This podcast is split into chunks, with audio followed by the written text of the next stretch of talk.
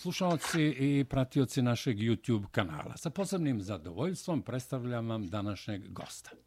Naime, radi se o Predragu Drecunu, ekonomskom analitičaru, jednom od najboljih poznavalaca ekonomskih prilika u Crnoj Gori. Gospodine Drecun, dozvolite da kažem još nekoliko rečenica o vama, s obzirom da ste prvi put gost Srpskog radija Čikago. Dakle, Predrag Drecun, nekadašnji političar, visoki funkcioner Narodne stranke, poslanik u Crnogorskom parlamentu 5. februara 1998. kada je izvršena rekonstrukcija vlade Crne Gore, ušli ste i vi i predstavnici, naravno, Narodne stranke. Izabrani ste za potpredsjednika vlade za ekonomsku politiku. Kasnije ste bili ministar rada i socijalnog staranja. Kao izuzetan ekonomski stručnjak, ušli ste u bankarske vode. Postali ste glavni izvršni direktor prve banke, Potom prelazite u Universal Capital Banku, gde ste također bili glavni izvršni direktor. Poslednjih godina bavite se analizom ekonomskih i društvenih prilika u Crnoj Gori i regionu. Cenjen ste kao jedan od najkompetentnijih crnogorskih stručnjaka u ovim oblastima. Dobro veče i dobrodošli na talase Srpskog radija Čikago. Dobro veče i hvala vam na, na pozivu i na lijepom uvodu i pozdrav za sve slušalce e, Srpskog radio Čikaga. A hvala vam naravno što ste odvojili vaše vreme, ali pre nego krenemo na posao, što bi se reklo, a, u našem jučerašnjem malo dužem prijateljskom razgovoru rekli ste mi da ste bili veliki i odani prijatelj moga kuma, bivšeg predsjednika vlade Savezne republike Jugoslavije, sjajnog čoveka, gospodina političara Zorana Žižića, pa evo a, i našim prijateljima ovde i slušalcima, a pokojni Zoran Žižić je izuzetno poznat i ima mnogo prijatelja u Čikagu i okolini i širom Sjedinjenih američkih država, pa evo nekoliko reči i o Zoranu. Izvolite. Pa uvijek i sa, sa velikim zadovoljstvom treba pričati o Zoranu i, i ja Zorana znam od nekih 80. godina najokvirnije rečeno, kad je on bio mlad, mladi asistent na pravnom fakultetu, mi smo bili studentarija neka, jeli, ja sam bio na ekonomskom fakultetu, ali većina mojih drugova na pravnom i tako smo se zbližili sa Zoranom, išli na ta zajednička studentska druženja po širom Jugoslavije.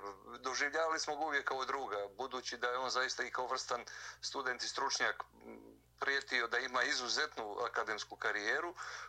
Posle se malo bacio više na politiku, ali Zoranova stvarno sva ljudska vrlina ne može stati ni čak i u ovu emisiju. Tako da, preslobodan sam da kažem, pripadali smo različitim partijama, ali u suštini bili smo na jednoj, rekao bih, istoj ljudskoj strani. On je, on je jedan prilično neponovljiv lik i prilično unikatan lik i zato što je unikatan i neponovljiv. Ali ima jedan kuriozitet kad je on bio savezni premijer, uh, u jednom trenutku zbog jedne političke odluke savezne vlade da se određena lica isporuče Hagu, on je podnio ostavku i u tom momentu moja malenkost je dakle figurirala kao, kao najozbiljniji kandidat da ga zamijeni, ali neke struje u socijalističkoj narodnoj partiji nije su bile za to, iako je e, beogradski partner koalicioni tada bio za to, a smetnja je navodno bilo što Narodna stranka nije učestvovala na tim izborima, kada je Milošević e, pao, uslovno rečeno, na izborima e, saveznim,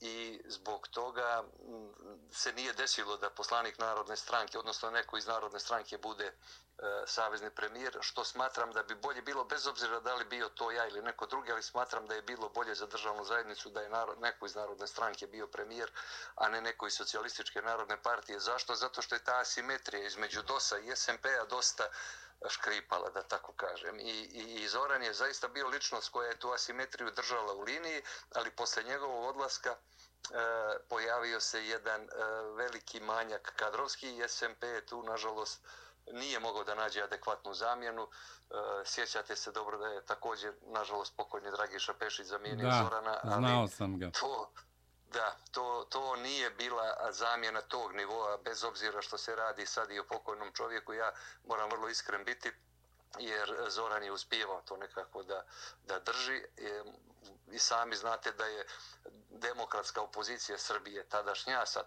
tadašnja vlast nakon toga, jel? E, imala vrlo negativan odnos prema svim e, Miloševićevim saveznicima, tako i prema SMP-u.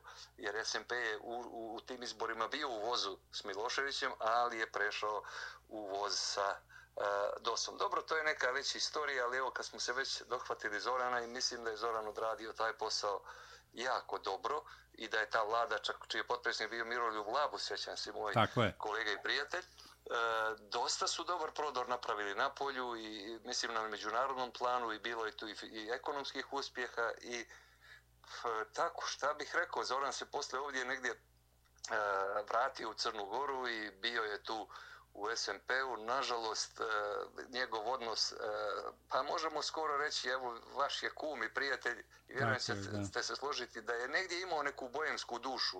No, naravno, je, na ogromnu dušu kao sibirska da stepa on, veličine. Da, da je on politiku shvatao kao ljudsku djelatnost, a ne kao moranje, ne yes. kao nešto što bi, što bi sad bilo život ili smrt, nego prosto kao jednu e, profesiju u kojoj treba činiti ljudima i biti čovjek. I Zoran se tako i ponašao i zato je zaista u lijepom sjećanju ostao i meni i, i, i svima iz mog okruženja koji ga često i pomenemo i tako se sjetimo tog divnog čovjeka. Apsolutno se slažem sa vama i naravno svi prijatelji moga kuma i dobrog čoveka sa slovo Č veliko, kao što je Zoran tako Žižicu je, i moji prijatelji, pa Evo, hvala vam na, na tim divnim rećima kada je u pitanju moj kum Zoran Žižić i prijatelj mnogih nas u Čikagu i Sjedinjenim američkim državama, ali i širom bivše Jugoslavije. Pa evo da nastavimo. Gospodine Drecun, kako ocenjujete aktualnu političku situaciju u Crnoj Gori? Odnosno, Kakav je vaš stav o kohabitaciji predsjednika Crne Gore Mila Đukanovića i prve vlade izabrane posle 30. avgusta 2020. godine, odnosno sa manjinskom vladom koju je njegov DPS, Demokratska partija socijalista, podržala i vrlo brzo pokrenula inicijativu da se toj vladi izglasa nepoverenje? Izvolite u Crnoj Gori se ne može govoriti o nekoj suštinskoj političkoj kohabitaciji. Zašto? Zato što po ustavu Crne Gore predsjednik ima vrlo protokolarna i sužena ograničenja i ovlašćenja. Uh, on je neko ko ne može da vodi spoljnju i unutrašnju politiku, uh, ali s obzirom na personalni značaj Mile Đukanovića kao čovjeka koji je obavljao sve važnije funkcije u državi, pa evo sad i u tom uh, političkom regišpilu i predsjednik nezavisne Crne Gore, jer jednom, uh, u jednom periodu je bio predsjednik Crne Gore dok je ona bila u državnoj zajednici.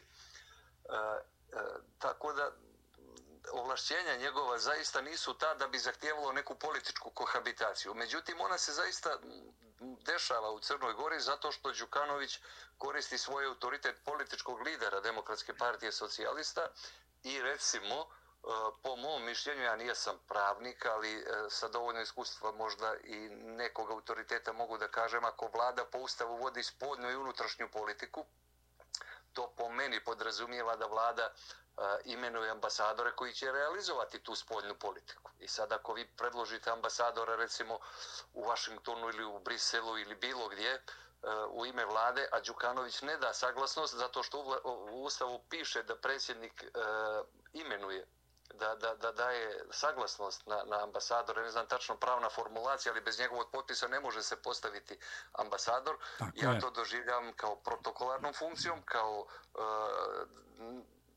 funkcijom koju neko ko vrši predsjedničku funkciju u ime države predlaže nekoga na predlog vlade.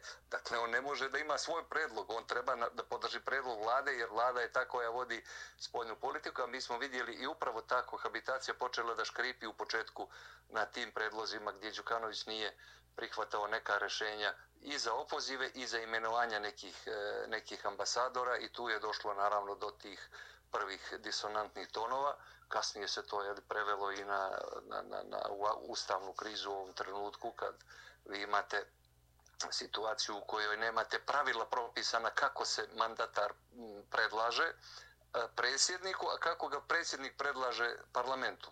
Imate samo e, propisano, i tu je dosta precizno, za prvi predlog mandatara posle izbora, a za sve kasnije e, predloge vi nemate propisano ništa u ustavu i vidimo sad da Eh, jedni tumače da je trebalo 41 potpis dati, eh, nikad ranije ti potpisi nisu davani, tako da eh, zaista je dosta proizvoljnog u, u ovom ustavu i potreba za redefinicijom ustava postoji, ali onaj ko je pravio ovaj ustav se jako dobro pobrinuo da je ovaj ustav nemoguće promijeniti. U tome je problem. Ovaj ustav je oktroisan, petrificiran do krajnjih granica. Treba da imate ogromnu većinu u parlamentu koju nikad niko više neće moći, makar ne u nekoj bliskoj budućnosti od 50 godina da, da sastavi i imat ćemo konstantne, konstantne krize. Imate takvih slučajeva recimo i u zakonima gdje se predsjedniku daje ovlašćenje da recimo predlaže guvernera, a šta kad sutra predsjednik bude neki recimo po zanimanju elektroinženjer ili po zanimanju neki meteorolog ili ljekar, doktor medicine, kako će on znati ko je e, adekvatna ličnost za guvernera. Piše u zakonu da on predlaže guvernera. Dakle, postoji mnogo, mnogo prostora i potrebe da se redefinišu ovlašćenja predsjednika kako bi državni sistem mogao da funkcioniša, da predsjednik države zaista bude ono što jeste po ustavu, to je samo jedan snažan simbol države i neko ko predstavlja državu u zemlji i inostranstvu, ko jeste e, personifikacija države, a ne nikako neko ko vodi spoljnu i unutrašnju politiku, jer to radi vlada po ustavu. Kad smo kod Mila Đukanovića, kako tumačite izglasavanje zakona o predsjedniku od strane parlamentarne većine, okupljene ponovo oko ovog zakona, dakle 41 poslanik, uz obrazloženje da je Milo Đukanović prekršio ustav Crne Gore neprihvatanjem njihovog predloga da Miodrag Lekić bude mandatar za sastav nove vlade. To je dovelo do protesta opozicije. Pa to je ta, ta pat pozicija o kojoj sam nešto rekao, a sad ću reći naravno i nešto više. E, ne postoji propis po kome bilo ustav, bilo neki niži pravni akt po kojim predsjednik e, treba da, da dobije 41 potpis da bi, i, odnosno to je potpis 50% poslanika plus 1, da bi e, imao taj osjećaj i tu sigurnost da je to stvarno ličnost koja ima većinu u parlamentu. Njega su predložili relevantne političke snage koje su rekle da imaju e, da daju podršku Lekiću. Niko drugi se nije javio sa drugim kandidatom, tako da predsjednik nije imao dilemu da li on e, ima ili nema. On je mogao da mirne duše da da mandat Lekiću, pa ako Lekić ne uspije, nikakav problem ne bi bio da se da mandat opet nekom drugom sjetimo se iskustva Italije gdje su se vlade po četiri puta godišnje mijenjale u jednom periodu. Dakle, e, nije to ništa strašno za evropsku parlamentarnu demokratiju, ali u našem slučaju to je iskorišćeno upravo da se izazove ustavna kriza. E sad, najveći problem je što mi nemamo ustavni sud.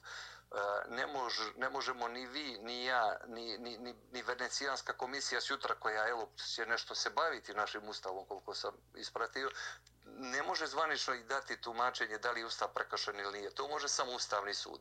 I početno, eh, početak kršenja ustavne krize i uopšte eh, krize u Crnoj Gori, a ustavne krize kao dijela te opšte krize, treba da bude izbor ustavnog suda i e, sa kojim se oprostite se... zateže mala digresija zateže se sa izborom tako je, sudija tako je, i tako se upravo zato što ako nemate tu instituciju ne možete riješiti ni jedan drugi problem i onda će kriza trajati dugo. To je jedna vrlo vješta igra e, u, u kojoj vi možete prost svijet da se tako izrazim kolokvijalno svijet koji nije pravne struke ili koji da, ne zna da društvo, možete uvjeriti, pa nisu dali potpise, pa ja sad e, ne, rekli su da će dati, pa nisu dali. Pa mislim, mogli, mogli hiljadu puta da kažu da će dati, da ne daju nikakvu obavezu, nisu imali da daju. Dali su politički stav da imaju tu većinu i nikakvih tu nema kršenja ustava sa strane onih koji su predlagali. Dakle, možda su oni prekršili neko pravilo e, koje su dali pravilo dobrog ponašanja, rekli su da ćemo potpise pa nisu dali, ali kažem, to Đukanoviću nije smjelo da bude e, obrazloženje da se napravi ovakva kriza. I da sad bukvalno evo imate većinu, to je jedina e, institucija u Crnoj Gori koja još uvijek postoji, je parlament. I koja ima 41 poslanik, e, čini tu većinu. I pravilo demokratije je takvo. Vi morate poštovati ono što 41 poslanik želi. Pa sjetimo se... Apsolutno uh, tačno. Sjetimo se da je Demokratska partija socijalista u Budvi na lokalnom nivou nešto slično radila kad je jedan poslanik tadašnje vlasti prešao na stranu tadašnje opozicije, to je DPS-a, i činio, da li je to bio omjer 18-17, ako se ne varam, I onda je bilo pa 18 je više od 17, pa i 41 je više od 40, ako koristimo zdravu logiku. Ali vidite, ti, ta neprincipijelnost u politici se jako često koristi u politici, možete da mijenjate stav. I tu ja ne, ne bih krivio nikoga, nikad nikoga, jer to se dešava i najvećim umovima da promijene stav, da pod pritiskom argumenta popuste, jel? Ali ne možete da mijenjate principe Ako Tako kaže, je. principi su, principi su nešto što, što je univerzalno. Kažete uh, koalicija, uh, ne mo, recimo mandat pripadna stranci, a ne pojedincu. To je princip. I ako, ako u jednoj državi važi princip da mandat pripada stranci, onda uvijek pripada stranci. Ako važi princip da važi pojedincu, onda on uvijek pripada pojedincu. Dakle, principi se moraju poštovati. Principi kršenja ustava se ne mogu mijenjati od okuke do okuke, da se izrazimo ovako malo metaforično. Ali, nažalost, kad, kad dovedete javnu političku scenu do tog nivoa da se ne tumači ništa nego se navija, onda imate pozive građanima sa bilo koje strane izađemo na ulicu i onda se vrše razni pritisci i onda se stvaraju slike i tenzije, slike prema međunarodnoj zajednici jer svako ima svoje lobiste. A, mi smo došli u tu situaciju da evo Crnom Gorom uh, vladaju parlamentarci i, i, i diplomate iz, iz recimo Slovačke republike, što ovako iskreno, iskreno čeno mene kao građanina Crne Gore donekle čini nespokojnim jer ne smatram zaista da Slovačka ima takvu tradiciju da bi mogla sad I taj kapacitet, da, naravno. I taj kapacitet, naravno, jeste da, da drži lekcije o demokratiji jer prije samo 20 godina ili 30 godina bilo je negdje obratno, mi smo bili zapad za Slovačku, ali dakle, možda se stvari mijenjaju, možda mi nismo svjesni, možda mi imamo i visoko mišljenje o nama, ali eto, to je takav Pa ne, izvinite, predraže, izvinite, ne samo za Slovačku, nego i za Čehe, i za Poljake, i za Rumune, da ne pominjem, i za Bugare i tako dalje, pa mi smo bili zapad ili Amerika. Tako je, tako je, to je opšte, opšte bilo stanje, pa mi smo za Italiju bili jedno vrijeme zapada. I za Austriju, i, i za Austriju, u pravu ste, tako, tako je, i za Austriju. Tako. Tako Ali je. dobro, vremena se menjaju. Kada je u pitanju Milo Đukanović, najdugovečniji lider na prostorima bivše Jugoslavije, ali rekao bih i Evrope, šta po vašem mišljenju može da se desi? Da li će Milo Đukanović biti ponovo kandidat za novi mandat na predsjedničkim izborima planiranim na proleće 2023. godine, mnogi ga vide ili u egzilu ili u zatvoru. Ja Đukanovića poznajem jako dugo. Znam ga iz naših studentskih dana jer smo bili studenti na istom fakultetu znam politički kako razmišlja i on je jedan od rijetkih političara u Crnoj Gori koji e, je savladao do, do perfekcije politički marketing. Šta to znači? To znači da on svaku izjavu koju da, da sa nekim ciljem i svako čutanje koje ima, ima sa nekim ciljem. On je jedini političar u Crnoj Gori, ovo se usuđujem reći, koji ima jednu Čerčilovsku misle. Jer Čerčil je rekao jednom, kada bi mi dlaka na glavi znala što mi glava misli, ne bih se bavio politikom. On, spada, on spada u tu grupu ljudi. On, eh, ono što razmišlja ne dijeli sa svojim saradnicima. Njegovi saradnici su eh, kao na pokretnoj traci ugalj pojave se, budu veliki, kako idu ta, ta traka, ide ugalj, padne negdje i, i dođu novi. Dakle, on, on, je, e, on je DPS, on je personifikacija DPS-a i tu nema nikakve dileme. Dokle god je on na čelu DPS će biti ovakav ili onakav u snazi, ali što je e, po DPS pogubno, sa nultim koalicijonim kapacitetom. On je dakle pokupio to što može da pokupi i on više od ovih e, podgoričkih 38% ne može da ima. Dakle, njemu je sve jedno, imao 25 ili 49%, ako je koalicijoni kapacitet rava nuli. I on ima, on ima taj problem. Ako me pitate za moj lični sud, da li će se on da. kandidovati zato što ga poznaje, ja mislim da će se on kandidovati na izborima za predsjednika Crne Gore. I da on upravo vrlo E, vrlo vješto vodi tu igru e, održavanja ove krize kako bi se u toj krizi argumenti stavili po tepih, a e, strasti navijanje bilo u prvom planu i onda imate crno-bijelu podjelu i to vam je u predsjedničkim izborima dva kandidata učestvuju, nema nijansi. I, i, i on siguran sam upravo homogenizuje ovaj uslovno rečeno procrnogorski blok, mada ne volim taj izraz jer, jer ja sebe smatram procrnogorskim blokom, dakle u nekom naj, naj najpozitivnijem smislu. Najpozitivnijem smislu koji Crnogorac treba da nosi istorijski i etnički i, i, i etički i kulturalno i kako god hoćete, E, dakle, e, to što nam e, jedna grupa ljudi koji se odriču crnogorstva u suštini e, uzima verbalno crnogorstvo, to je greška e, svih političara danas u Crnoj Gori sa ove uslovno rečeno druge strane, jer se jer bježe od crnogorstva. Crnogorstvo od njega ne treba bježati. Ja mislim da je ono jedan, jedan ponos i srpskog i slovenskog naroda i tu nikakve tako dileme je, tako nema. Je. Tako da. Tako je, gospodine... Da, da, on jeste vješ političar i tu to treba imati na umu da, da nemaju aktuelni političari. Evo, ja se slabo miješam u politiku, izvinite, prekinuo sam vas. Slabo se miješam u politiku, ali sa zadovoljstvom pričam sa vama i vašim, dijelim svoje mišljenja sa vašim slušalcima. Jer, jer mislim da, da Milo Đukanović ne bi ni sad, ni, ni, ni 20, 20. godine u avgustu, izgubio izbore da nije bilo, da nije bilo njegovog napada na crkvenu imovinu. Tako je, na Srpsku pravoslavnu crkvu i crkvenu tako imovinu je. i onda smo bili svjedoci veličanstvenih litija i tako dalje. Apsolutno. Dakle, ja sam bio, ja sam, ja prvo živim kod hrama i, i u Podgorici. više puta sam, u Podgorici. Više puta sam silazio u, u tu. Interesao me kao sociološki fenomen te litije. Ja sam znao na šta će one izaći politički. Ja sam znao ko je Amfilohije Radović. E, dakle, posle dva Njegoša mi nemamo uh, veću istorijsku ličnost od njega. To je apsolutno, moje mišljenje. Možda apsolutno. U pravu ste, apsolutno ste u pravu. E, pa izvinite samo da dodam, Mitropolitan Filohije kad god je dolazio u, u Chicago bio je gost u mojoj kući i naš posljednji susret bio je pred koronu u Podgorici, posle u crkvi u Kutima, Sveti Luka, drugog dana Vaskrsa. Tako da je mitropolitan Filohije i prijatelji, brati, duhovnik i kad se pomene, ja prosto, evo, ne vidite me, ali ustanem sa stolice, on ima izuzetno veliko poštovanje moje porodice, ali i, i srpskog naroda i srpskih prijatelja, ne samo u Čikagu i okolini, nego širom Amerike i severne i južne. Da, da, da, da ja, ja, ja ne sumnjam u to, ali ja, ja mislim da će se njemu e, protokom vremena sve više ljudi diviti, čak i oni koji nisu mislili kao on. I sad uopšte nije rijetko da imate na cetinju mišljenja u, u nekim običnim formalnim i neformalnim razgovorima u kafanama ili u nekim drugim prilikama gdje kažu e pa on je bio šteta, nismo ga poznavali, sad kad, kad smo ga izgubili, sad smo ga upoznali. Da.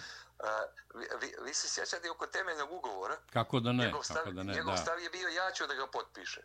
Jesi se sjećate? On je rekao ja ću ga potpišem i dok je on bio živ nije bilo autoriteta u Srpskoj crkvi koji je mogao drugačije da kaže dakle, on je, on je bio jedan autoritet koji je pokrivao bukvalno vaseljenu. I ja to znam, boraveći u manastiru Armilija prije nekoliko 15 godina, možda kada je jedna sestra mlada Amfilohija čula da, da sam iz Crne Gore, prišla mi i rekla vas, vas ću posebno kao gosta da ugostim i posebno da vas istretiram u smislu da ću vam pokazati ono što mnogim gostima ne pokažemo gdje muška noga ne može da kroči zato što ste crnogorac, a ja nosim ime po vašem metropolitu, on je za nas negdje uz najviše, u, u, ne mogu reći uz Boga, dakle to bi bilo možda i previše, ali mi ga doživljamo kao jednu vrstu božanstva. Eto, to, toliko su o njemu monahinje lijepo govorile i zaista imao sam čast s njim da objedujem, da budem na njegovim slavama, da budem i njegov prijatelj i eto, bukvalno kad smo se već dotakli te teme, smatram da smo imali čast da budemo savremenici uh, E, jednog od najvećih ličnosti u istoriji Crne Gore. Tako je, potpuno ste u pravu. Gospodine Drecun, da li ste iznenađeni ishodom posljednjih lokalnih izbora u Crnoj Gori i porazom Demokratske partije socijalista u većini opština, a pogotovo činjenicom da je nova partija Evropa sad postigla izvanredne rezultate u Podgorici i da opozicija treba da formira do 19. decembra, ako se ne varam, vlast u Podgorici, novu vlast u Podgorici? Meni to nije iznenađenje, iskren da budem u cent, što bi vi rekli u Americi, u cent sam pogodio, mada da. i mi sad koristimo eurske cente, tako da, da, da u cent sam pogodio, rekao sam 62-38, Evropa sad preko 20%. Negdje sam intimno mislio da može i više od 21, 2, 21,8 su uzeli, ali to, to je dakle prosto očekivano za mene bilo. Zašto? zato što su se pojavili e, mlađi ljudi koji su uspjeli da nametnu jednu temu koja iskače iz zadatih klišeja koji su vješti političari i sa jedne i sa druge strane kreirali, a to su nacionalne podjele.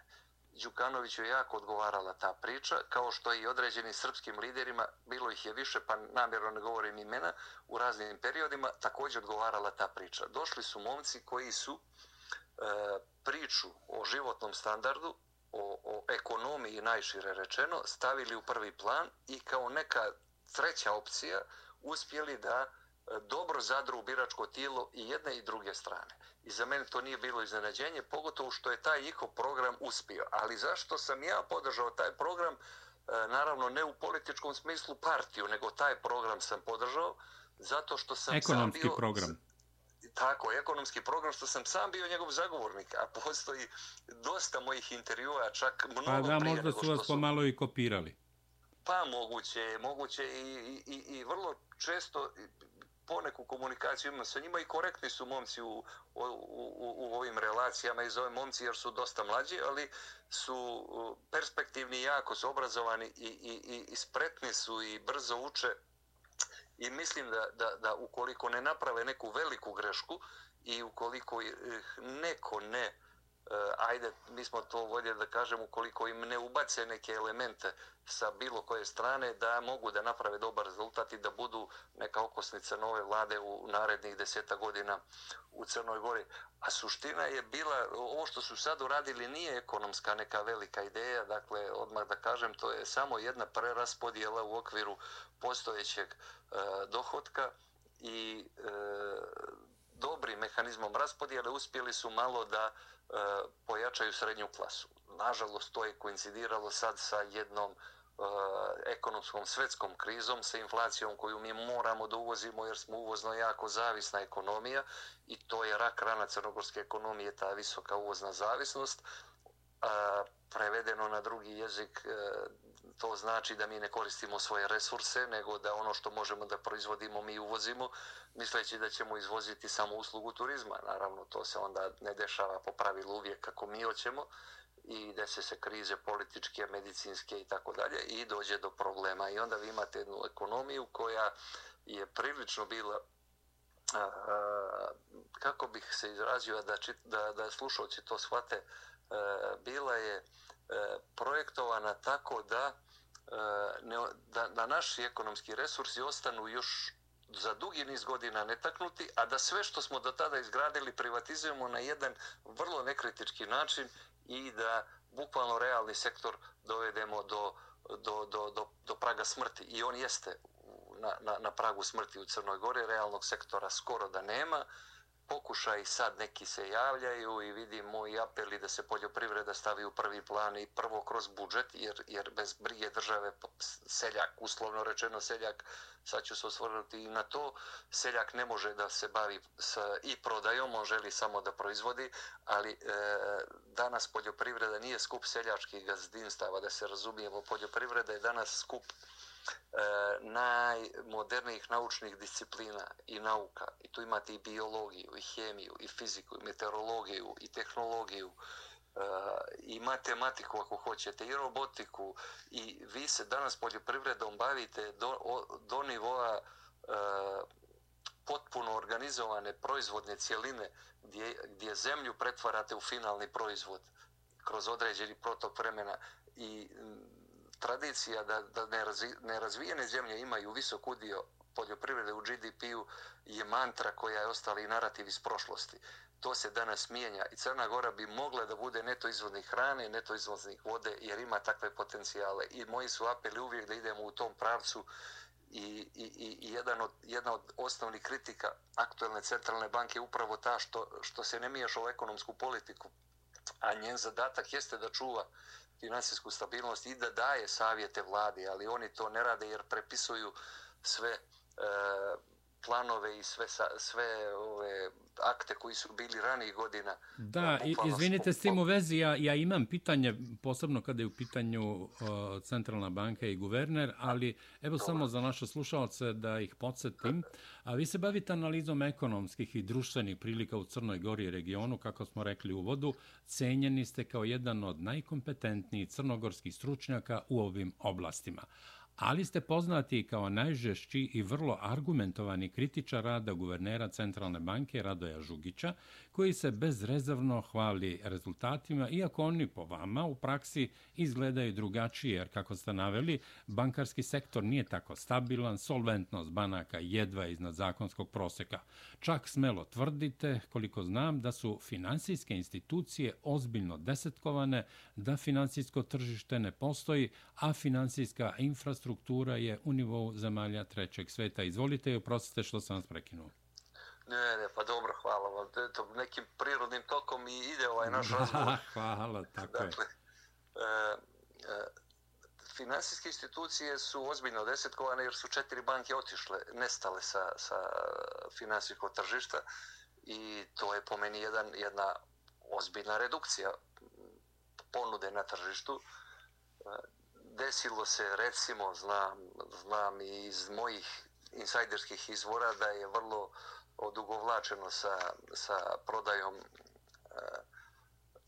Crnogorske komercijalne banke OTP grupi, da je to bukvalno na neki način i obstruirano s jedne strane jer se u stvari radilo o pogrešno sam se izrazio o prodaji Societe General OTP grupi i pripajanju sa Crnogorskom komercijalnom bankom, jer Societe General je jedan od naj, jedini ozbiljan brend bio u bankarstvu u Crnoj Gori. E, naravno, ne želim ja da pocijenim ni OTP, ni Zirat banku, ni ostale banke, ni Erste banku, ali Societe General je top 10 banka u svijetu. Dakle, imate nešto što zaista nisu mogle druge banke da se mjere sa tim. I jedan takav brend vam odlazi iz Crne Gore, to je za mene bio jedan vrlo negativan znak i prema povjerenju u finansijski sektor u Crnoj Gori. Centralna banka je tu dosta igrala jednu, rekao bih, lukavu igru e, od ugovlačenja koje je bilo nepotrebno da bi se postigla neka neki drugi ciljevi koji, o kojima će pričati neki drugi ljudi, ja ne bih ovom prilikom, jer zaista nije nivo ne bi bio nivo ove emisije da pričamo o tome zbog čega se to odugovlačilo da bi se ostvarili neki određeni interesi Razumemo, u, da. E, u, u HR-u i tako dalje. Da se, da se vratimo na suštinu. E, guverner Žugić je jako voli da e, priča priču javno koju će progutati najveći dio naroda zato što to zvuči logično. A mi svi znamo da sve što je logično ne mora da bude istinito, da sad ne navodimo bezbroj primjera za to logično ne znači da je istinito. Ako on kaže rast rast depozita i rast povjerenja u banke, to zaista možda bude logično, je ali da li je to ekonomski tačno? Naravno da nije. A, rast, de, rast depozita je posljedica rasta GDP-a u osnovi i možda još nekih drugih aktivnosti ekonomskih, možda doznaka iz inostranstva, ali e, ne možete govoriti o rastu povjerenja, jer e, to bi, to bi značilo da E, ako bi ljudi s pare koji su držali kući u svojim slamaricama iznijeli i stavili u banku, možda bismo mogli govoriti o rastu povjerenja, ali ovdje se ne radi o tom novcu. Ovdje se radi o novcu koji dolazi iz povećanog nivoa ekonomskih aktivnosti privrednih subjekata Crne Gore i na taj način ja sam upoređivao rast GDP-a sa rastom depozita i došao sam do vrlo zanimljivih podataka da je u nekim e, godinama da su depoziti rasli apsolutno mnogo više nego GDP. A u nekim godinama GDP od, od depozita. Nisam stigao, jer nemam još uvek informacije da utvrdim uzroke takvih cikličnih i neprirodnih kretanja, jer prirodno bi bilo da rastu depoziti da raste GDP više nego depozit. Dakle, ako vam GDP poraste za godinu dana 700-800 miliona evra u našem slučaju, depoziti bi trebalo da porastu možda za 500 miliona, eto, recimo, pričamo okvirno, da uvijek budu nešto manji od GDP-a. Dešavalo se u nekim godinama, ako depozit poraste 500 miliona, da e, de, GDP poraste 500, da depozit poraste milijardu.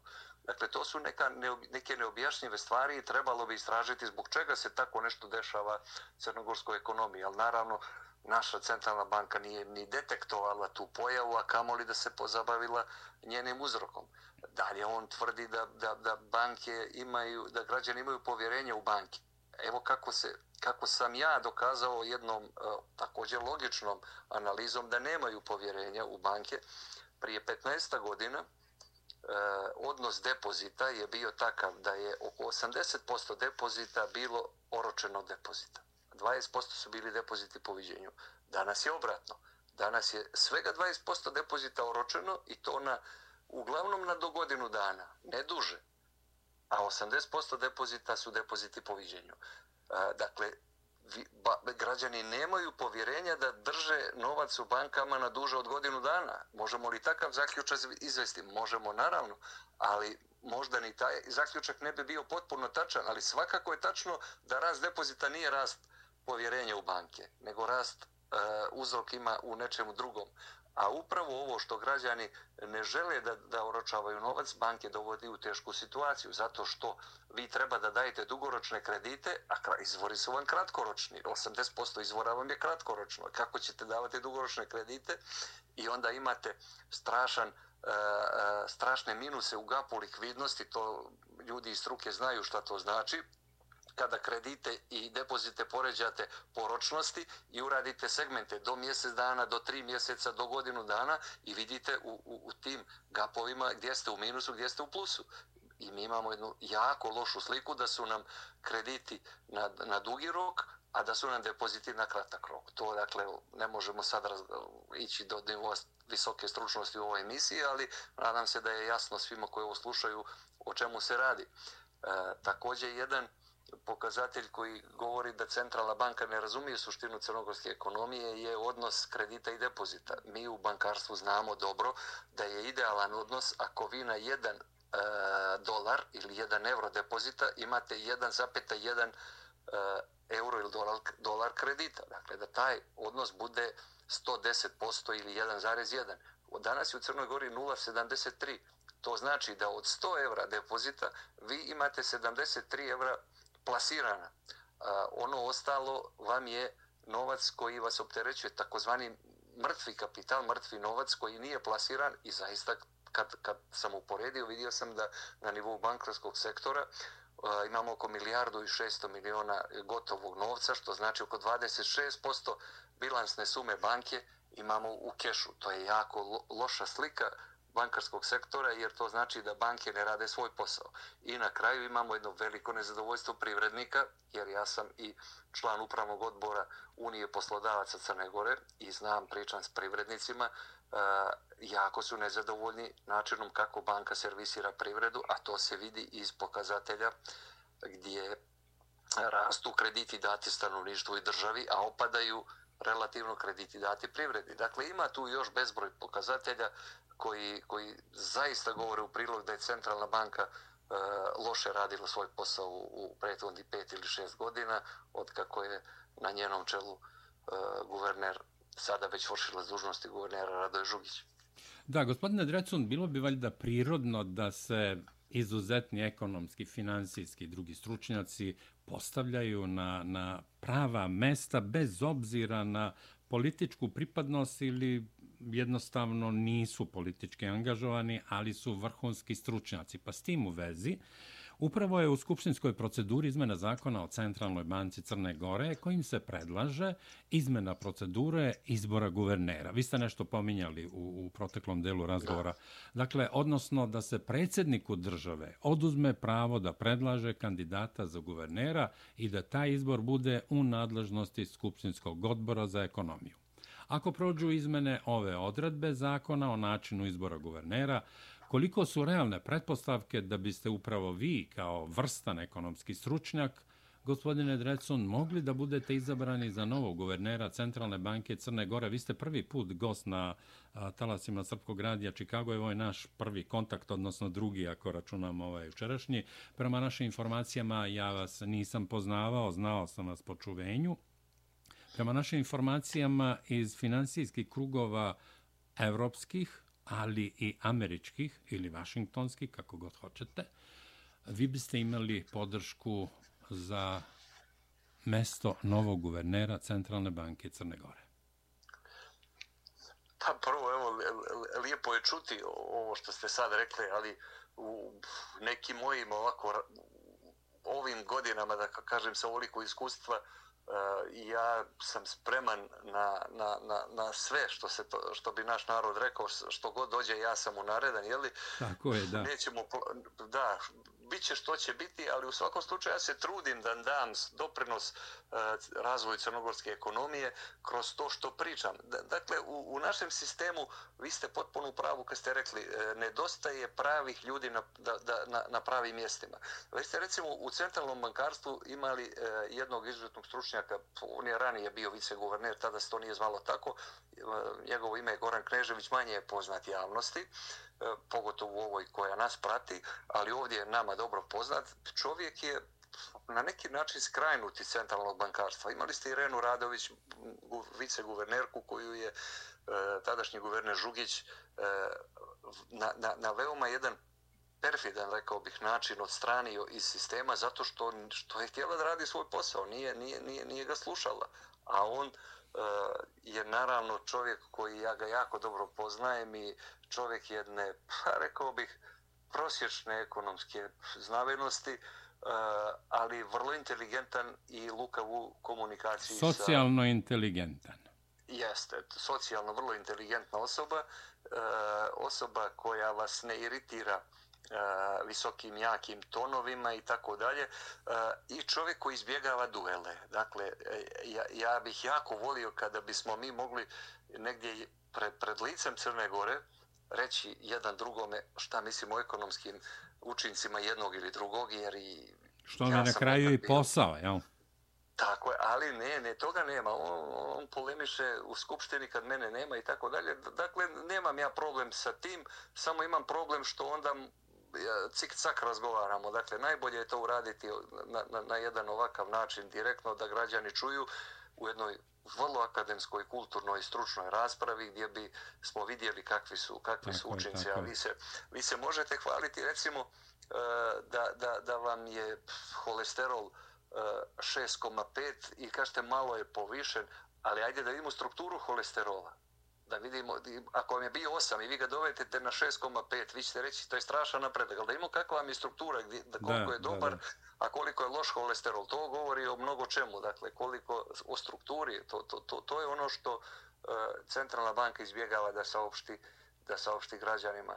I vidjet ćemo šta će biti. Uglavnom, Crnoj, Crnoj Gori nedostaju novi mehanizmi centralnog bankarstva, nedostaje afirmacija uh, finansijih i tehnologija novih, nedostaje afirmacija projektnog finansiranja, to naše banke ne rade, a to je sve zbog toga što je sistem e, rezervisanja za kreditne gubitke takav da ne dozvoljava bankama e, bilo kakvu slobodu. Mi banke ne možemo kriviti u Crnoj Gori. Ja želim ovdje ogradu da stavim i kao neko ko, ko je zaista objektivan, ko je bio u, u dvije crnogorske banke glavni izvršni direktor. Ne možete jer banke su privatne institucije. One su društva kapitala akcionarska društva u kojima postoje akcionari koji imaju interes da ostvare profit. I nadam se da tu ništa sporno nema.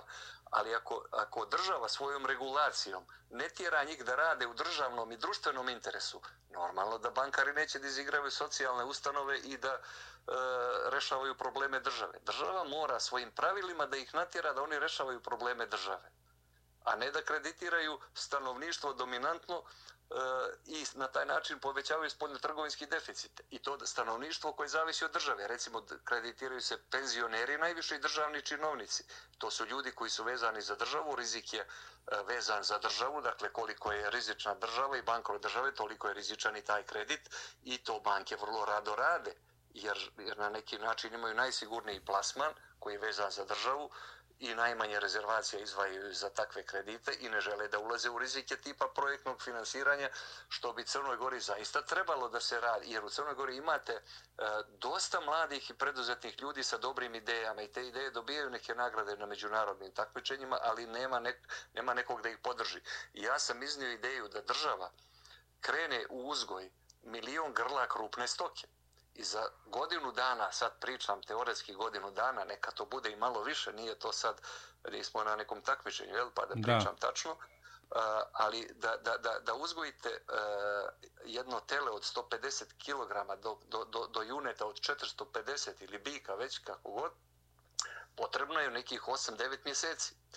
za tih 8-9 mjeseci, ukoliko milion grla utovite, vi imate rast GDP za 2 milijarde, da ne, da ne ulazim u strukturu e, cijene, vjerujte da je to tako, e, i imate rast GDP za 2 milijarde u odnosu na 5 milijardi crnogorskog GDP-a, to je rast od 40% za, za, za godinu, pa nek bude i za dvije godine, to je drastičan rast. Dakle, mi smo mala ekonomija i kao mala ekonomija možemo brzo da propadnemo, ali možemo i brzo da se izvučemo, ako radimo prave stvari. Svega 18% naše e, energetskog potencijala je iskorišćeno, hidroenergetskog.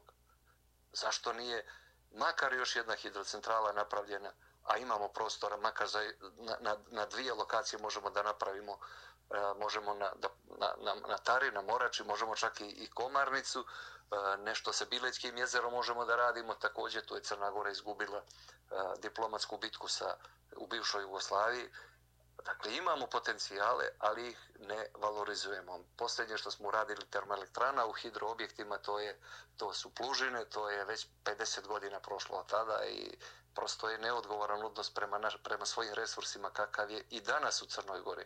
Ova nova vlast koja je došla ove, za ove dvije godine bukvalno nije mogla da uradi ništa jer uh, je između iznutra je bila nes, heterogena iznutra su se nestabilna i možda je to i neka zakonitost da posle 30 godina uslovno rečeno stabilne stabilne vlasti dakle i kojoj smo i u kojoj sam i ja bio tri godine do četiri godine koliko smo bili u vladi 98. do 2002. godine ali u jednom potpuno drugom političkom ambijentu nego što je sad gdje gdje gdje je e, i Srbija podržavala tu našu vladu sve do momenta kada DPS jednostrano nije okrenuo politiku prema nezavisnoj Crnoj Gori. U tom trenutku je moja stranka izašla iz vlade i vrlo principijelno e, isprovocirala Da podsjetimo da se radi o narodnoj stranci. Tako je, narodna stranka i sad e, kasnije se dešavalo što se dešavalo i to je bio jedan rijetki politički potez koji nije, koji nije nagrađen. To vam je politička, političko biće Crne Gore. Nađite mi stranku koja je dobro napustila vlast zbog principa i koja je nagrađena na izborima. To se nije desilo u Crnoj Gori. Zato što u Crnoj Gori se vlada induktivnom metodom. Šta to znači? To znači da vi ne možete u Americi. U Americi morate da vladate deduktivnom metodom. Idete od opšte ka pojedinačnom, jer ne možete da kontrolišete svakog birača. Crna Gora je mali sistem u kome možete da kontrolišete e, ličnim e, energijom, kontaktima 150.000 birača, a to vam je dovoljno za apsolutnu vlast. I opet kažem da nije bilo udara na crkvu, mislim da, da bi Demokratska partija socijalista na čelu Đukanovićem i ove izbore posljednje dobila. Taj udar na crkvu im je bio početak kraja, da tako kažem, političkog, jer se oni više nikad ne mogu vratiti u sedlo kakvo je bilo i izgubili su koalicioni kapacitet i pred njima je jedan dosta, dosta težak period eh, razmišljanja šta da rade, da li da se redukuju, i da budu koalicijono prihvatljivi ili da budu ovako negdje bučni, jaki, ali neinteresantni nikom za koaliciju, i osim što će ih podržavati određeni krugovi Evropske unije, ali to nema neku težinu u Crnoj Gori. Vidimo da i Crnogorcima je više dosta tog tutorstva i e, prosto dajte da, da i mi nešto sami uredimo u našoj državi. Vjerujem da je to poruka koju građani šalju. Da, a ako mi dozvolite da bude malo optimista, ovo ću ja da kažem, možete i ne morate da se složite. Evo, prema našim izvorima informacija, naš naredni razgovor bi trebao da bude Srpski radio Čikago intervjuiše novog guvernera Centralne banke Crne Gore. Pa, e, šta reći? Da vidimo šta će biti, a e, treba da se složi vjerovatno još dosta kockica, možda ko zna koliko još dobrih kandidata biti, ali u svakom slučaju e, dao bih jedan svoj doprinos, jedan siguran svoj pečat toj, toj poziciji ukoliko bi to tako bilo, a ukoliko ne bude, potrudio, potrudio bih se da pomognem tome ko bude, ukoliko bi želio da, da prihvati sve to što, što su moje iskustva i moja znanja, jer ponavljam ono što, što, što bih želio da čuju svi koji treba da čuju, a znate vjerovatno na što mislim da svi koji treba Znam, da čuju. Absolutno. Crnogorska ekonomija se ne može voditi matricama koje međunarodne financijske institucije propisuju za sve države svijeta. To su identične matrice. Ona je vrlo specifična, ima bafere koji se ne vide, baferite ublaživače rizika koji se ne vide, imate dosta sive ekonomije, ne u smislu crne i opasne ekonomije, ne šverca droge, oružja, ljudi, nego sive ekonomije kao modus vivendi koje je ostalo još od sankcije 92. do 5. A to su, e, ajde uslovno rečeno, šverc roba široke potrošnje, donosi se roba iz e, Turske, iz e, Egipta, iz e, drugih zemalja koje ne prolaze carinske kontrole, način kako je to u Evropskoj uniji i imate dosta neformalne ekonomije, vi ne možete u jednoj Njemačkoj posjeći drvo i ogrijati se s drvetom da se to ne evidentira. Jer je to ekonomija koja ima svoje sisteme e, obuhvatanja svih podataka. Dok recimo to kod nas još uvijek možete, pa možete i u Rusiji, možete i u drugim nekim zemljama, čak i Evropske unije, a toga u Crnoj Gori ima dosta. Imate puno one neformalne ekonomije gdje recimo profesori E, srednjih škola drže časove da bi imali dopunske prihode. To se ne evidentira nigdje. Imate dosta kućnih pomoćnica, njega starijih lica i tako dalje. Sami znate i možete zamisliti kako imate ovdje prijatelje, rođake, znate šta to sve znači, koliko još neformalne ekonomije u Crnoj Gori stanuje da. i to, i treba to sve uzeti u obzir. Ja uporno kažem svima onima koji to i čitaju, čuju da u Crnoj Gori postoji sigurno 25 do 30% te neformalne ekonomije i da ima jedna milijarda evra najmanje e, novca koji nije u bankarskom sektoru. I da nema toga, mi ne bismo mogli preživjeti zvanične podatke. Jer zvanični podaci su takvi da bi e, crnogorci trebali da umiru od gladi. A ne dešava se to. Vjerujte mi da pojavni oblik života nije tako crn da se dešava ono što stranci kad dođu i vide pa vama su kafići ujutru svi puni, pa svi ste lijepo obučeni, svi izgledate zdravo, veselo, nasmijano, dakle priča malo kolokvijalno, ali u suštini ima nekih neobjašnjivih stvari u našoj ekonomiji. E, dakle, moje neko iskustvo to uspjeva da hvata i da detektuje. Uvijek sam u svojim prognozama i to uzima u obzir. Oni koji dolaze iz svijeta to ne uzimaju u obzir, a trebalo bi, trebalo bi makar da poslušaju tu domaću pamet pa da uzmu i to u obzir, a ne da vam prepišu istu recepturu u Tanzaniji i u Crnoj Gori, jer to je jednostavno nemoguće. To je nemoguće. Da. da. A, gospodine Drecun, poznat je vaš stav oko uloge guvernera Radoja Žugića u gašenju dve banke u većinskom vlasništvu Atlas Grupe. Atlas banke i Invest banke, vi ste pominjali neke banke u našem prethodnom delu razgovora, koje su po vašem mišljenju potpuno nepotrebno oterane u stečaj. Tvrdili ste da brojne činjenice ukazuju da guverner Žugić nije delovao samostalno. Da li ste i danas, posle četiri godine, pri istom stavu? Pa, evo, dobro, dobro ste koncipirali pitanje, pogotovo u posljednjoj rečenici. Prije četiri godine sam znao nešto manje nego što sad znam, a ipak sam to rekao. E, dakle, prije četiri godine ja nisam znao e, kakva je e, pravna sadna optužnica protiv e, biznismena Duška Kneževića, vlasnika ove dvije banke. E, posle četiri godine ja nisam vidio ni jedan proces protiv njega da je otvoren, što znači da neka pravna sadržina ostaje sporna ili tužilaštvo još nije sakupilo dovoljno dokaza ili ti, dovoljno, ili ti dokazi ukoliko su prekupljeni nisu dovoljno jaki. Sad da se igramo logičkih zaključaka što bi značilo da je čitava ta optužnica imala neki drugi cilj, a ne pravni završetak, jer za, sa, tako, sa takvim optužbama, naročito u financijama, vi morate izaći brzo, i, i, jer svako, svako, rekao bih, talasanje u bankarskom sektoru koje nije odgovorno može da izazove katastrofu. Vi ste, e, pomenuli smo ove dvije banke, još dvije banke su nestale, to su Societe General i Komercijalna banka e, Beograd.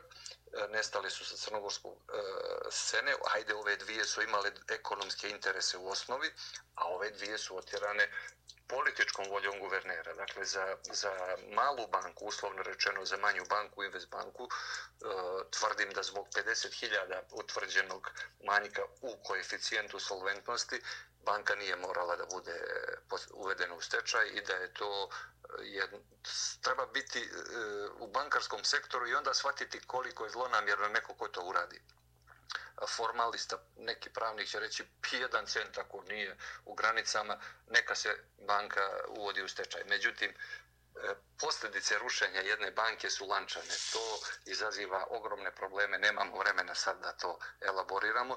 Dakle, što se male banke tiče, nedvosmisleno se radilo o namjeri i pogotovo ovaj pokazatelj to, to govori. Što se tiče velike banke, taj problem je bio negdje kvantifikovan u nivou 18 miliona evra, što je za državu relativno lak iznos da se, da se, da se nabavi.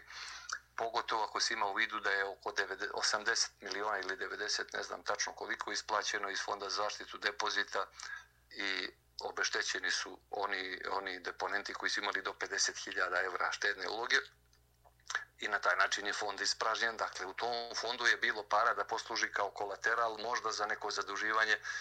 Trebalo je naći neki način i 18 miliona a, tu banku a, ozdraviti e, ako ne može vlasnik da ih nađe, a, država da to uradi, da na bilo koji način, da li prinudnom upravom ili normalnom upravom od strane države, neko vrijeme vodi državu i da je onda ponudi na otkup bivšem vlasniku i da on u tom periodu pokuša da re, reorganizuje svoj kapital i da nađe taj novac. To se, nažalost, nije desilo. Imate jedan frapantan podatak koji sam do koga sam došao da je u, u, u jesen 2018. godine Centralna banka izvršila kontrolu Atlas banke. Naročito po pitanju nekih osjetljivih tema kao što su pranje novca i da je utvrđeno da nema nepravilnosti, da biste svega mjesec dana kasnije imali bukvalno ovakav udar od strane Centralne banke i uzimanje licence. To nije bilo to nije bilo dobro rešenje nikako i ja sam i sa guvernerom Krgovićem koji je bio prije Žugića, a tada sam ja bio glavni izvršni direktor prve banke, vodio jedan uslovno rečeno javni dijalog gdje sam mu poručivao da nije dobro banku ne pomoći. Svaki guverner mora da pomogne svakoj banci. Jer banka novac nema političku boju ako građani drže novac u toj banci to što je neki vlasnik političar ili što je blizak nekome, ne smije da bude za guvernera ni prepreka, ni, ni, ni, ni pozitivni, ni negativni stimulans. Treba da se ponaša odgovorno, e, stručno prema e, svakoj banci, jer je banka e, u osnovi fabrika građana, to je preduzeće građana. I treba, izvinite, da radi na, na korist građana i privrede, to je valjda osnovno. Tako je, jer vi, vi u bankarskom sektoru danas u Crnoj Gori bilansna suma je nešto oko 6 milijardi, pričam okruglim brojkama da bi lakše pratili, kapital, kapital vlasnika iznosi oko 600 miliona, dakle 10%. Sa ovih 5 milijardi i 400 razlike pripadaju nekome a taj neko nema pravo da upravlja bankom. Dakle, vidite kolika je odgovornost centralne banke kad je u pitanju e, finansijski sektor. Ogromna je odgovornost. I onda, ako se ona odnese neodgovorno prema, e, prema tolikom broju deponenata, ona, ona, ona pravi praktično gotovu štetu državi. Evo u ovom slučaju neko je želio i naredio je Žugiću, ja ne mogu sad sa sigurnošću reći ko, ali to je neko ko ima jaču političku moć, da bukvalno Atlas banku mora da otjera u stečaj i ja bukvalno to doživljam ovako kao jednim e, veoma lošim potezom njegovim i da će taj njegov potez pratiti njegovu, karijer, njegov, njegovu biografiju. Dakle, smatram da, da mu to nije potez kojim bi trebalo, koji će se dičiti u budućnosti. Evo pominjemo Atlas grupu. Kako je moguće rešiti arbitražni spor koji Atlas grupa, ja sam to pratio, u vlasništvu Duška Kneževića, progonjenog od strane bivšeg režima i Mila Đukanovića, pokrenula protiv države Crne Gore pred stalnim arbitražnim sudom u Hagu sa zahtevom za oštetu od 500 miliona evra?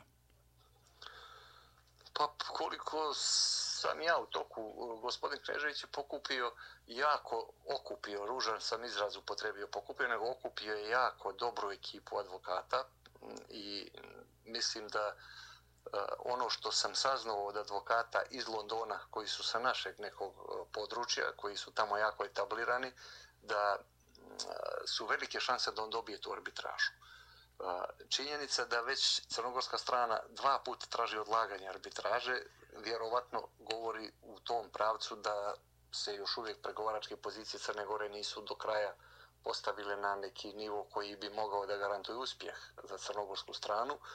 I u tom slučaju ne želim ni da pomislim šta bi bilo da Crna Gora izgubi tu arbitražu i da 500 miliona bude odšteta e, biznismenu Kneževiću i njegovoj e, biznis grupaciji, to bi bilo katastrofalno za Crnu Goru. Uh, natjeralo bi nas naravno u jedan novi ciklus zaduživanja i prosto volio bih da se stvari riješi dogovorom. Lično bih volio i smatram da dolazi vrijeme političara koji neće biti poput e, uh, vršioća dužnosti guvernera u ovom trenutku, gospodina Žugića, i takvih stavova da ne želi da razgovara vi morate pričati sa ljudima koji prave, koji stvaraju ekonomiju u Crnoj Gori bez obzira na njihove političke stavove i tu nema nikakve dileme. Ne smijete se igrati sa, sa državom upravo zbog ovoga što sam rekao, naročito sa, sa bankarskim sektorom gdje je 90% e, novca u bankarskom sektoru je novac građana i privrede. I ne možete se igrati sa tim u, u, da biste vaše političke ciljeve na neki način realizovali pa ako je cijena da propadne e, nekoliko desetina hiljada deponenata da biste vi politički cilj proveli, to govori da zloupotrebljavate institucije u, u vašu korist. To nije dobro i smatram da, da prolazi vrijeme takvih političara i takvih funkcionera uopšte u Crnoj Gori i da dolazi vrijeme odgovornih ljudi. Naravno, kratko je vrijeme za dvije, tri godine da se to desi, ali još jedni izbori, pa možda i još jedni i ući ćemo mi u zonu nekog normalnog e, snošljivog odnosa bez tenzija gdje će upravo ovaj treći put o kome sam pričao, ajde da svi pričamo o ekonomiji, da se svađamo oko, oko, oko naših ekonomskih koncepata tako, tako treba. Tu bih bio najsrećniji kad bi se to desilo oko razvojnih projekata da se svađamo, da vidimo šta je bolje, da vidimo zašto Crna Gora tek sad gradi autoput. Slovenija je prvi dan posle sticanja nezavisnosti krenulo taj projekat. Za deset godina od sticanja nezavisnosti oni su zemlju izukrštali autoputevima i napravili su infrastrukturu. I moj koncept za Crnu Goru je vrlo prost e, jer ne može biti složen, jer je takva ekonomija. Imate hranu, imate energiju, razviti ta dva sektora, infrastruktura treći, e, kao četvrti šlag na, na, na tu tortu ide turizam. Jer ne možete turistu privući ako nemate dobre puteve, ako nemate tako dobru je, hranu, ako je. nemate dobru energiju. U Budvi se, nažalost, dešava da u sred sezone nestane struje po dva dana. To su, to su uh, rane na... na nedopustivo, na, nedopustivo. To je, to je nedopustivo i to desi se grom jače, E, kiše budu, budu jes, ljetnje kiše jake, budu grmljavine, trafostanica ode i imate problem. Dakle, kad imate dobru infrastrukturu, gosti će vam dolaziti i vjerujte mi, ni reklama vam ne treba. Mi ćemo uvijek moći da, da, napu, pa, da napunimo e, sve naše hotele. Mi imamo mali broj hotela, imamo deseta hotela sa pet zvezdica u Crnoj Gori. To je, a pričamo da nam je turizam uh, udarna grana. A mi da nemamo goste iz regiona, mi ne bismo mogli da preživimo od turizma. Dakle, to, to, to ipak se pokazuje da su gosti iz regiona oni gosti koji u ovom trenutku spašavaju našu ekonomiju. Gospodine Drecun, pri kraju smo našeg današnjeg razgovora. Dozvolite mi da napomenem da je danas dan primirja u Prvom svetskom ratu. Ovaj datum podsjeća na dan kada su 11. novembra 1918. godine u železničkom vagonu u Kampijenu sile Antante potpisale primirje sa Nemačkom i time okončale Prvi svetski rat, odnosno to je i dan pobede, ja bih to tako nazvao, na dan primirja. Pa s tim u vezi vama želim da vaše ideje pobede i na samom kraju kažete mi kako vidite kratko budućnost Crne Gore. Dobro vam je šlagvort i a, dozvolite i meni jedan moj osvrt na, na, na taj vagon čuveni da nije možda taj vagon bio uzrok kasnije jednog velikog problema e, kompleksa koji je probudio kod jednog čovjeka budućeg Führera trećeg rajha koji nije mogao da oprosti tu činjenicu da je Njemačka potpisala tako uslovno rečeno sraman mir po njih, jer on je to tako doživio da. i kasnije... Dakle, poruka je, poruka je budimo oprezni u svemu. Nemojte nikad pocijeniti nikoga, nemojte nikad precijeniti nikoga. Svijet mora biti oprezan. Nema pobjednika i poraženih jer je istorija pokazuje da e, se poraženi vraća kao osvetnik. Dakle, neko dostojanstvo u međunarodnoj politici mora da postoji. Nažalost, njega nema e, do nivoa kako bi se osigurao mir. Ali evo, nadamo se svi da ipak je ovo dan primirja, ipak bi trebalo da da budemo svi u znaku tog mira koji jedini, jer, jer čemu e, nas rat može dovesti bukvalno da se zemlja pretvori u gomilu asteroida ako uh, dva ili tri čovjeka izgube živce, a svi smo mi ljudi i svi se negdje nadamo, pa ne zavisi to od jednog čovjeka, ali Boga mi vidjeli smo u, u, u ranijoj istoriji koliko jedan čovjek može da uradi ako se na vrijeme ne zaustavi. Dakle, eto, sa, sa, sa tim apelom i da opreza s apelom brige prema, prema, prema zemlji, prema našoj zemlji jedinoj koju imamo i Crnoj Gori i uopšte zemlji i Sjedinjenim državama i svim državama koje danas imaju probleme da apelujemo da se oni što prije završe. Gospodine Drecun, ja rekao na samom početku, prijatelji mog upokojenog u gospodu kuma Zorana Žižića su i moji prijatelji, pa s tim u vezi nećete se naljutiti, nećete zameriti ako vas nazovem prijateljem. Dakle, naš današnji gost bio je Predrag Drecun, ekonomski analitičar, jedan od najboljih poznavalaca ekonomskih prilika u Crnoj Gori. Hvala vam što ste odvojili vaše vreme i govorili za Srpski radio Čikago.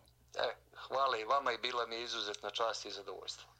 Hvala vam, poštovani slušalci, kao što ste čuli, naš današnji gost, naravno i poštovani pratioci našeg YouTube kanala, bio je Predrag Drecun, ekonomski analitičar, jedan od najboljih poznavalaca ekonomskih prilika u Crnoj Gori.